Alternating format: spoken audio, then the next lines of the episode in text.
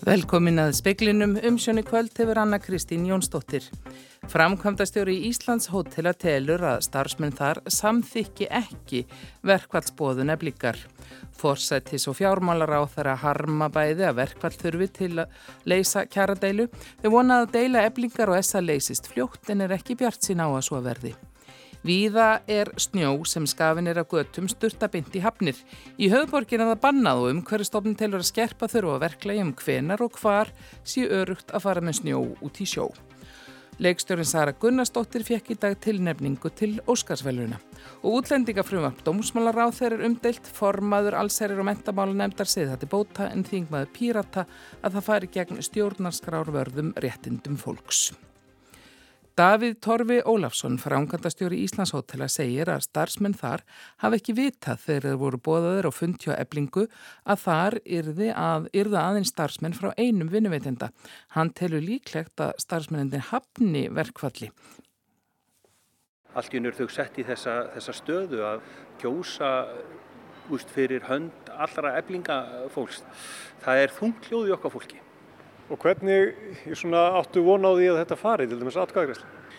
Okkar tilfinning eftir að hafa verið að ræða við okkar fólk í dag að þá var það því miður þannig að fólk var ekki með réttar upplýsingar. Fólk var ekki búið að gefa því í raun og veru heildarmyndina þannig að við höfum reynað svona að varpa ljósi á bara stöðuna hvaða samningur er á borðinu og, og fólk hefur svona almennt verið að tala um það Heyru, ég, ef ég hef vitað þetta þá er miklu betra fyrir okkur að ef að ebling hefur verið kosið um þennan samning, SGS-samningin sem er á borðinu sko, frekar þó allir meðlumir frekar heldur en að, að láta okkur afmarkaðan hóp 288 manns 284 að, að, að kjósa um verkfall miklu miklu frekar. Þannig að ég held að svona eftir daginn í dag og eftir samtölu fólki okkar þá er ég svona viss á því að ég held að fólk vil ekki fara í verkvall.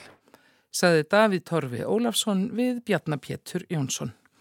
Bjarni Bendiktsson fjármálar á þeirra segir það koma sér spánst fyrir sjónir að hægt sé að bóða staðbundnar verkvallsaðgerðir eins og félagsmenn eblingar kjósa nú um. Katrín Jakobsdóttir þeirra er ekki bjart sín á að deilan leysist í bráð. Ég vil bara segja það, mér fikk ég mjög leitt að sjá þessa deilu ennþá í töluverðum hnút og ætla að leifa mér hins vegar áfram að binda voni við að aðilar finna einhverjar nýja leiðir til að hugsa út fyrir bóksið og finna einhverjar lausnir án þess að til verkvall að þurfa að koma. En, eh, en eins og staðan er núna þá er ég ekki endilega mjög bjart sína á það. Hvernig svona líst þér á þessu stöðu? Mér finnst það slæmt að uh, við náum ekki að uh, leysa úr kjara samningsumleitunum með öðrum hætti en að fara í verkvöld og auðvitað kemur það manni spánst fyrir sjónir að það sé hægt að fara í svona staðbundnar aðgerðir en það er ekki nýtt og uh, við vonumst bara til þess að það leysist úr þessu sem fyrst. Heldur þetta að hafi mikil fjárherslega áhrif? Ja, það er algjörlega ótíðanbært að segja en það getur auðvitað gert það. Saði Bjarni Bendiktsson, Kristín Sigurðardóttir talaði við hann og Katrínu Jakobsdóttur. Sérfræðingar hjá umhverfstofnun talja þarf á skýrari verklagi hjá sveitarfélögum um hvenar og hvar sé örugt að sturta snjó af agbrautum út í sjó. Í Reykjavík er bannað að setja snjóin þangað vegna hættu á mengun en víða um land er snjó sturtað beint í hafnir. Á höfuborgarsvæðinu hefur snjóað óvenju mikið undanfarið og eftir gríðarmikinn snjómokstur vakti aðtekli að snjónum væri hrúað í stærðarinnar hauga við sjávarsíðuna. Í borginni er óheimilt að styrta snjó beint í sjóin eins og týðkast viða um land. Skári kosturinn, samkvæmt heilbriðis fulltrúa borgarinnar, er að hann bráðni á landi og síist í gegnum jörðvegin vegna þess hver mengaður hann geti verið af svifriki, plasti og ímsu öðru sem gæti skadað lífriki sjávar. Í Kópavogi hefur snjó verið styrtað í hafnir þegar aðrir losunarstaðir eru orðnir fullir eins og hefur verið raunin oft í vetur. Á Akureyri er svipað upp á teiningnum, snjó af götum hlutabæjarins er styrtað bendi í hafið. Andri Teitsson er þar formaður umhverfis og mannverkjaráðs. Nei, við hefum ekki, ekki tekið neina róttaka umræðu um það hvort og engar tilur komnar fram um breytingar. Við veltum líka fyrir okkur hvort að það sé ekki líka umhverfis galli við að keira snjóin langar leiðir með tilherandi mengun og svo framvegist til að koma um þá í einhverju skilningi rétta bóðleif. Katrín Sólei Bjarnadóttir, sérfræðingur hjá umhverfistofnun, segir suma íbúa höfuborgarsvæðisins hafa haft áhyggjur af að sjá mögulega mengaðan snjó fara beint í sjóin en það fari eftir aðstæðum hvað sé besta lausnin á hverjum stað. Það væri náttúrulega fyrir bestu að þetta væri fari betur í þetta og þetta yrði fundin einhvers konar verklag sem að þessi bæjarfélag og sveitafélag geta stutt við og, og geta vísað í. Saði Katrín Sólei Bjarnandóttir, Ólefur Rún Erlendsdóttir tók saman. Heilbriðisráð þeirra segir að mikil aukning á nótkun unglinga og nikotínpúðum sé áhugjefni. Það hafi verið ákverðun alþingis að senka gildistöku regna sem drægi úr sínileika nikotínpúða á sölustöðu. Þrjú til fjögur börn leita á bráðamótöku barna í hverri viku vegna nikotín eitrunar. Nikotínpúðar eru algengasta orsök slíkrar eitrunar. Algjör sprenging hefur orðið í nótkunn nikotínpúða. Árið 2018 voru flyttun 107 kíló af þeim en í fyrra rifla 172 tonn. Ungt fólk er stærsti markhópurinn. Um 30% þeirra sem eru á aldrinum 18 til 24 ára nota nikotínpúða. Viljum Þór Þórsson, helbreyðsráð þeirra, segir góðan árangur hafa náðst til að spórna gegn nútkun ungmenna á tópaki. Hann harmar aukna sölu á nikotínpúðum. Sérstaklega ávikið með nútkun úlinga sem fer vaksandi. En það er þá bara nýr bardagi, við kunnum þetta og við þurfum að fara í þá vekkferð að vinna gegn því. Púðarnir eru oft í umbúðum sem líkjast salgæti. Reglugerð sem á takmarka sínileika nikotinpúða og sjölustöðum átt að taka gildi í desember í fyrra en gildistökunni hefur verið frestað fram í mars. Stuttasvarið er það að gefa aðlum færi á aðlugun og það var bara ákveðin lögjafans. Það er nú kannski eðlert þegar að verið þeirra svona herðareglur að aðlar fái tíma til aðalega spæði með merkingar og, og annað. Sagði Viljum Þór Þórsson. Hafís hefur orðið vart undan vestfjörðum síðustu daga en þó er nokkuð minna vonum en búist var viðasögn landhelgiskeslunar.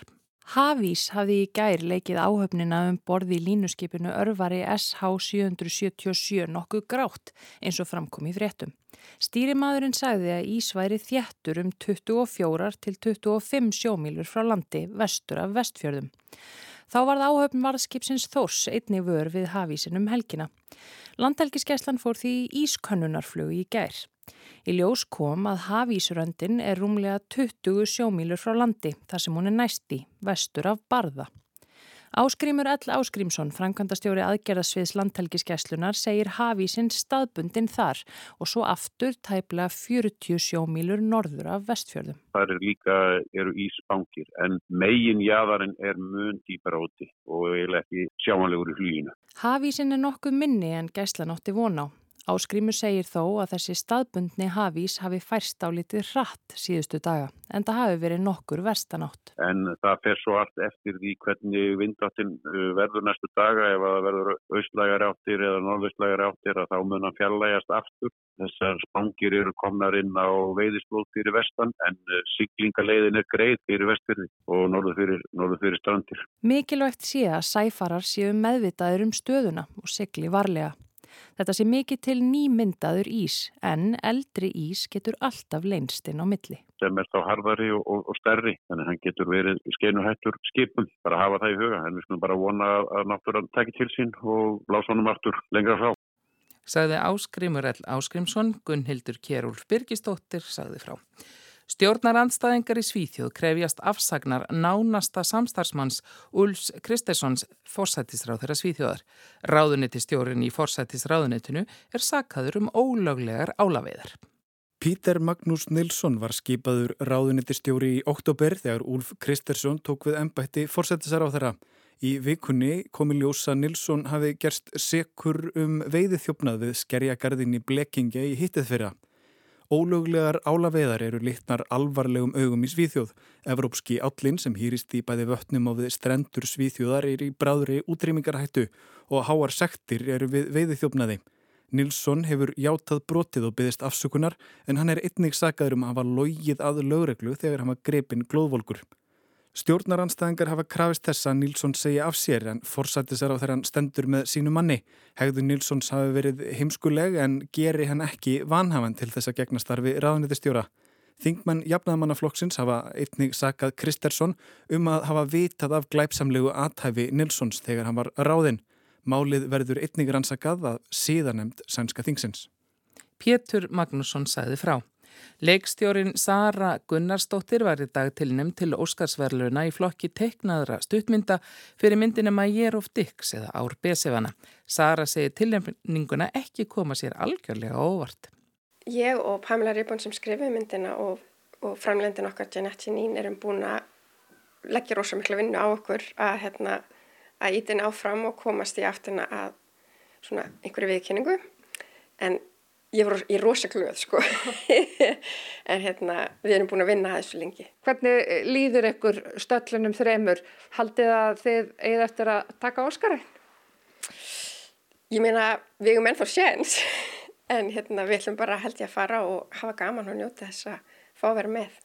Saði Sara Gunnarsdóttir við Þórdísi Arljótsdóttur á Rúf.is er hægt að horfa á myndina. Málmálana á alþingi þess að dagana er umdelt frumvarp dómsmálar á þeirra um útlendinga. Málið hefur velst um á alþingi allengi og verið sett á dagskrá en jafn harðan verið tekið af dagskrá. Nú er það lagt fram í fymta skipti og hefur tekið nokkrum breytingum. En um hvað snýst það í raun og veru? Hvers vegna er það svona umdelt? Þingmenn Pírata halda því fram að frumvarpið brjóti í báa við stjórnarskrárvarin réttindi. Því vísar formaður allserjar og mentamálanemndar á bög. Hún enga kominn, Bryndís Haraldsdóttir, þingmaður sjálfstæðsflokksins og Ardís Anna Kristínadóttir Gunnarsdóttir, þingmaður Pirata sem einning ásæti í allserjar og mentamálanemnd. Verið velkonar. Takk fyrir. Við langar að byrja á því að fá okkur til að útskýra þetta mál á eins einfaldan hátt og hugsa skettur. Um hvað snýst þetta mál í grunninn, Bryndís? Máli snýst í grunninn um það svona strömlínulaga stjórnsýsluna í kringum umsóknir um alþjóðlega vernd. Uh, Laugin, þegar þau eru samþygt á þínum tíma, þá er að koma kannski hérna svona örfá hundruð umsókna á hverju ári. Nú erum við komin í nokkur þúsund og það hefur verið tölverið lærdómur síðan uh, þau lög tóku gildi og ég myndi segja að þarna sé fyrst og fremst verið að aðlaga laugin til að tryggja svona hraða og öruga málsmeðferð. Það er ekki verið að ganga á mannréttindi fólks. Við erum að tryggja það að við getum tekið vel á móti þeim sem hinga að koma og er að sækja verndar og eiga rétt á vernd, sangkvæmt íslensku lögum og alþjóðskuldbindingum okkar. En á sama tíma eru við líka að taka á því og það er kannski það sem er verið mest, eh, mestur ágreiningur á um, að þeir sem að ekki hljóta alþjóðlega vernd, þeir þurfa að vikja og geta ekki búið hér tímonum saman. Þeir þurfa einfallega að fara til síns heima eða til þess upprunaland sem þeir komu frá. Ardís, hvers vegna er verið að gera þetta? Hverju þarf að breyta? Já, það sem að kannski vantarinn í þessu umræð er það að lögum um útlendinga sem voru sett árið 2016 þeim hefur nú þegar verið breytt átjón sinnum ef við taldi rétt í gær. Þannig að það hafa verið gerðar talsverða breytingar til þess að gera það sem að Bryndís hveður vera tilgang þessa frumaps að strömlínulaga gerfið, laga ákvæmna núta og annað en það er ákvæmati alls ekki tilgangur þessa frumaps. Þetta frumvarp er núna lagt fram í fymta skipti en þó í nokkuð breytri mynd. Það hefur tekið nokkur breytingum í hvað skipti sem að það er lagt fram. Svolítið í takti þau mál sem eru í gangi. Ég myndi ef ég ætti að lýsa þessu frumvarpi og tilgangi þess í mjög stuttumáli þá snýst þetta um að lögfesta framkvæmd útlendingastofnunar sem að hefur verið úrskurðu ólögumætt annarkort á kærunemt eða domstólum og snýst ekkert um að auka skilvirkni í kerfinu, þvert á móti eru þarna ákvæði sem að munu minga skilvirkni og það er verið að eidilegja, hlýja bara að lefa mér að segja ákvæðin ákvæði sem voru sett 2016 til þess að tryggja skilvirkni og hraða málsmeðferð, það er verið að eidilegja þau. Þannig að þetta er okkamati tilgangur og raunverulegt tilgangur og markmið frumarpsins og við erum að sjálfsög höfum miklar ágjör af því að, að suma ákvæði þarna, þau brjóti gegn stjórnaskrá og þeim mannreitnda skuldbindingu sem við erum bundin af og áhugavert að formaður allsir og mentamálendar telli sér geta fullirta svo sé ekki vegna þess að kröfu okkar í minnu hlutanum um að það verði gerð úttækt á því undir meðferðmálsins í allsir og mentamálanemnd var mjög staðfarslega hafnað. Þannig að það er ekki komin neyn hlutleus úttækt á ákvæðum þessa frumarps og samræmi þess við stjórnarskrá og margendasamninga. Mm -hmm. Bryndis, hvað er svona umdelt í þessu frumarpi? Um, ég nefndi það áðan að það væri kannski þetta vanandi þjónustu skerðinguna eins og það er kallað. Það er að segja að fólk sem að hefur farið hér í gegnum ferlið á tveimur stjórnsýslu stegum og fengið sinnjun, annars verð hjá útlendingastofn og hins verð hjá kærunemd útlendingamála og það er líka ágætt að geta þess að hér á Íslandi þá njóta umsækjunum um alþjóðlega verð réttageslumanns eða löglars fulltrúa í gegnum bæði þessi steg. Þegar fólk hefur fengið þessa sinjun þá samkvæmt því frumarpi sem við ræðum núna þá hafa þið 30 daga til að yfirgefa landið. Eh, annars fellur þjónusta nýður. Það er að segja húsnæði, dagpenningar og annar kostnæður sem að, eh, fram að því er greitur á ríkinu. Aftur á móti er á þessu mjög viðtækar undan þá heimildir meðal annars börn, fóreldrar þeirra, e, ófrískar konur, börn, fólk sem glými við föllun eða, eða langun veikindi eða þess áttar. Þannig að við teljum undan þáðunar vera mjög viðtækar en í þessu er ákveðin kvati sem á að vera til þess fólkin að fólk sem á ekki rétt og alþjóðlega vernd hér að það fari aftur til síns heima. E, þetta er það sem að hinga til hefur verið mest e, umrætt og umdeilt að mínum en það eru auðvitað fleiri þættir sem hafa komið inn Og núna síðast það sem Artísanna nefnir að þau óttist að þetta frumvarp standist ekki stjórnaskrána. Þú gagst þess hérna í ingangnum að þetta er fymta skiptið sem frumvarpið er lagt fram. Í aðeins breytri mynd hefur það tekið svona tillit til umsagna og umræðina sem átt að þessi stað en þetta hefur aldrei, aldrei komið til tals fyrir núna og ég lefi mér að fullir að það. Það eru þetta okkar frum krafa sem þingmanna að við afgreðum ekki lög sem stangast á við stjórnarskrá. Þar leiðandi er það líka frum krafa, dómsmála ráðunitisins og dómsmála ráðherra sem koma fram með frumvarp að þau séu ekki andstæði við stjórnarskrá. Allir okkar helstu sérfræðingar á þinginu fara auðvita yfir það líka.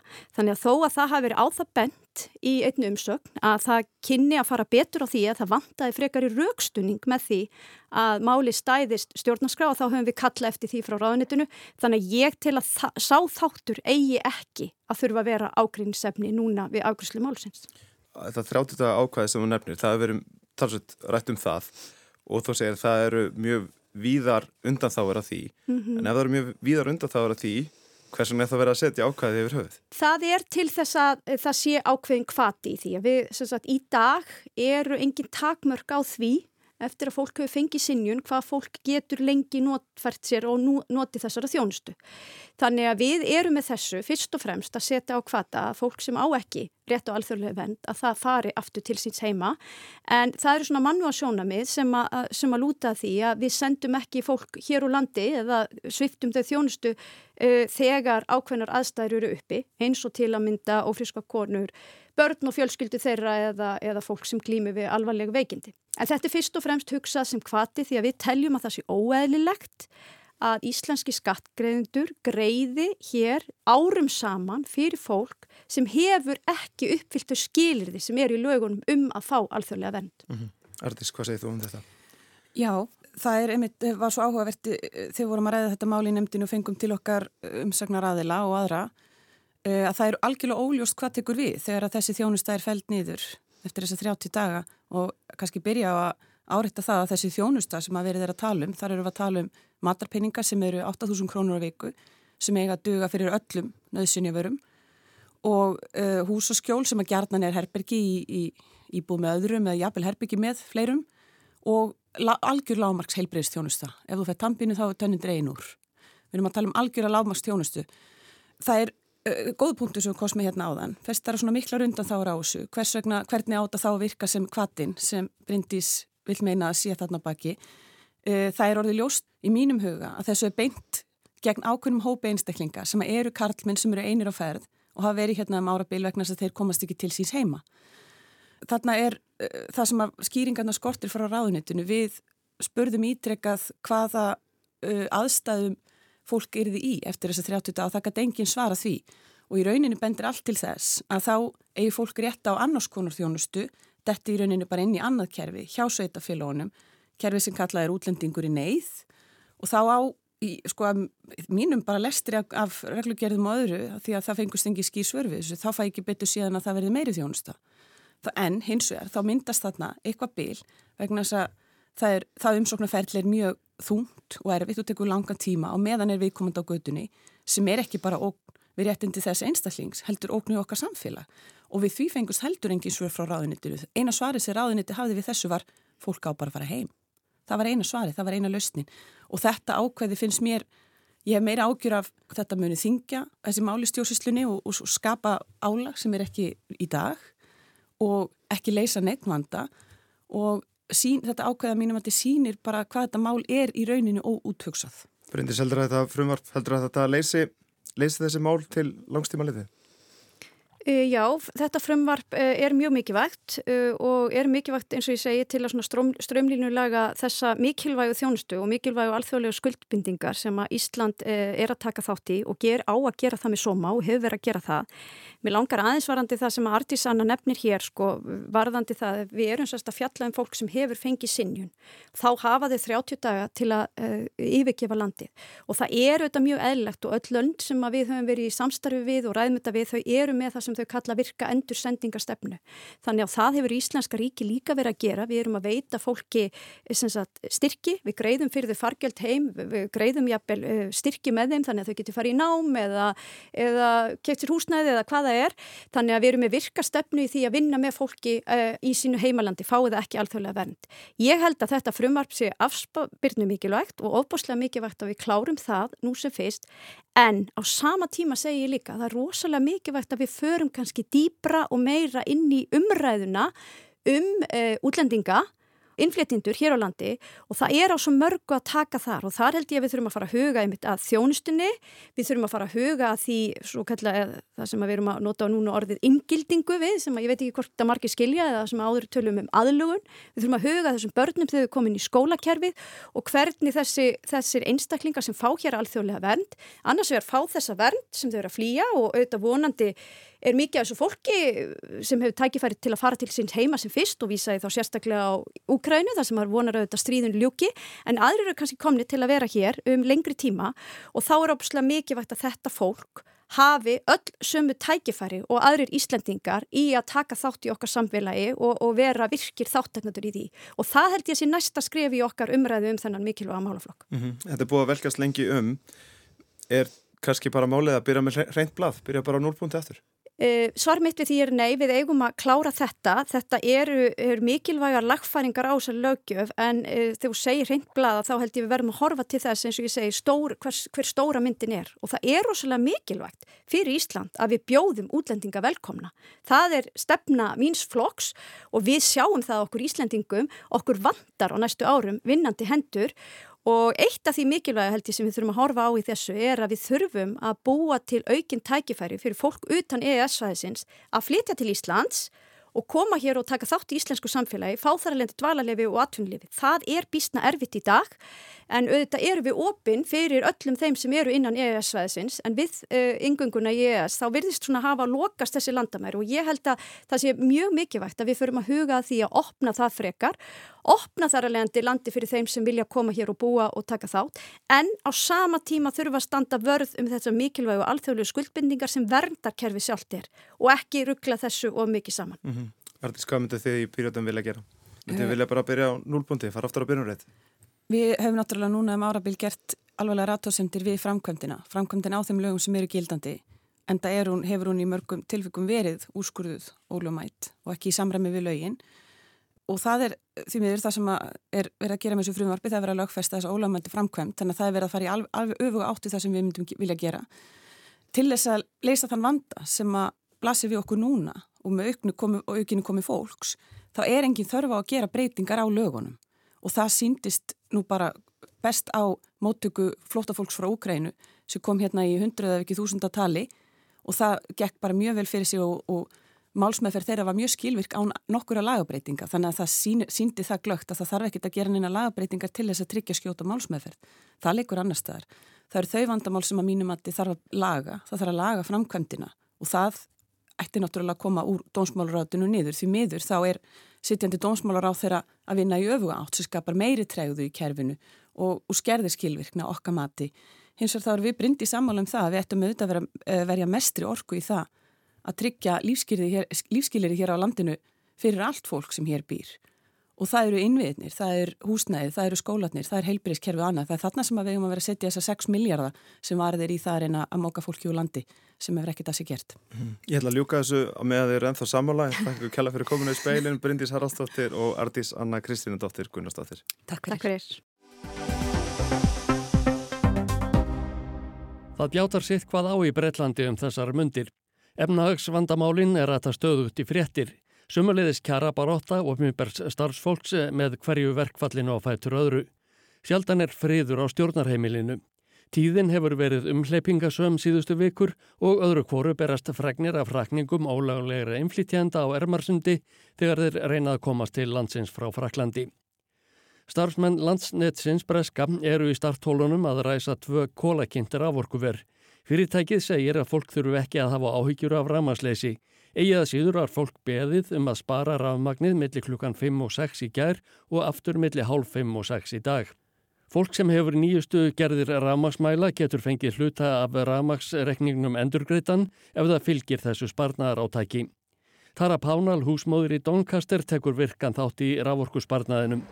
I won't be using the oven, I won't be using the washing machine or the dryer or the dishwasher and not the telly. And my son won't be at home to have the Xbox on either. okay.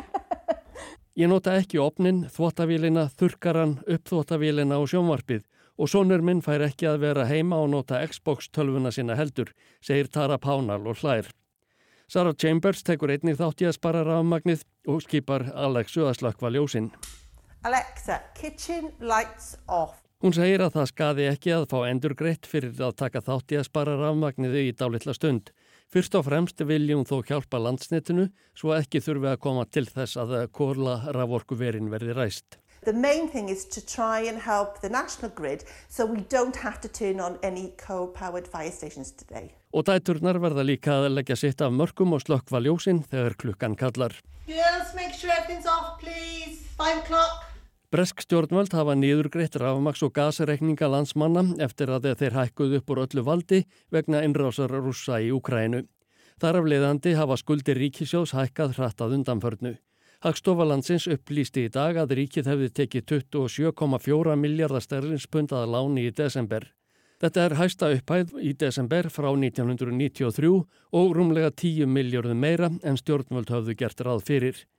Niðurgreðslur orkureikninga til heimila og fyrirtækja jöku lánsfjárþörfina um 7 miljardar punta. Englandsbanki hækkaði stýrivexti í 3,5% í desember í vonum að koma böndum á verðbolgu. Þeir hafa ekki verið herri í 14 ár. Í desember 2021 voru stýrivextirnir 0,1%. Í rekstri margra breska fyrirtækja eru horfurnar fremur dökkar um þessar mundir. Sérfræðingar Beggbys Trainor, fyrirtækis sem sérhæfir sig í gjaldþróta meðferðum og rekstri gjaldþróta fyrirtækja, segja að gjaldþrótt blasi við þúsundum fyrirtækja á þessu ári. Að þeirra sögn fjölgaði á síðustu mánuðum ársins 2022 um 36% á listanum yfir fyrirtæki sem eiga í alvarlegum vandraðum. Julie Palmer, einn af eigendum Beggbys Trainor, segir að mörg fyrirtæki hafi þraukað meðan lánsvextir voru lágir. Meðan COVID-farsótting gekk yfir var veittur frestur til að borga af lánunum og standa í skilum með skatta. Öll þessi aðstóð endaði á sama tíma þannig að þá þurftu eigendurnir að standa í skilum en höfðu ekki borð fyrir báru margir hverjir. Efnahagserfileikarnir hafa leitt til þess að þeim hefur fjölgað í Breitlandi sem geta ekki lífað mannsamandi lífi af laununum sínum. Margir hópar og pimbera starfsmanna eiga harðvítugrið launadeilu við ríkið. Verkföll á Englandi og í Wales hafa sett svipsinn á þjóðlífið. Það sem afir þessum mánuði hafa hópar kennaralagniður störf, sumulegis hjókrunarfræðingar og strætisvagnastjórar. Í næsta mánuði hefur starfsfólk í háskólum bóðað verkfall, einnig almennir ríkistarfsmenn, hjókrunarfræðingar, ökumenn og bráðaliðar á sjúkrabílum, sjúkrarþjálfarar og starfsfólk hjálpbrautana. Í mars hafa kennarar og sjúkraflutningamenn bóðað verkfall. Ofan á allt þetta bætist að tíðin hefur verið rétsjótt á Breitlandsegjum að undanförnu, rétt eins og hér á landi. Breska veðurstofan varar í dag við að óveðurslagð kunni að skella á landinu í næsta mánuði eða jafnvel fyrir mánaðamót. Hún er afleðing sjálfgefs veður fyrir bæris, svo nefndrar skyndilínunar í heðkfólfinu. Þetta gerðist síðast í Breitlandi í janúar 2021. Heimskauta loftið tegði sig þá til landsins með þeim afleðingum að frostið fór í 26 stík í Aberdeen skýri. Það var mesta frost sem mælst hafði í Breitlandi síðastliðin 30 ár. Heilbriðis öryggistofnun Breitlands hefur tilkynnt að ef spáinn rætist kunnit kuldin að verða ógn við heilsu landsmanna, engum eldri borgara og fólks með króniska sjúkdóma. Hætta aukist á hjarta áföllum, heila blóðfalli og síkingu í lungum. Og gul veðurviðvörun gildir á austfjörðum frá klukkan 6 í fyrramáli til 10. Það er varað við norðvestan stormi með snörpum vindkviðum og varasömu ferðaveðri. Fleiri er ekki speklunum í kvöld, tæknum að var Kormákur Marðarsson veriði sæl.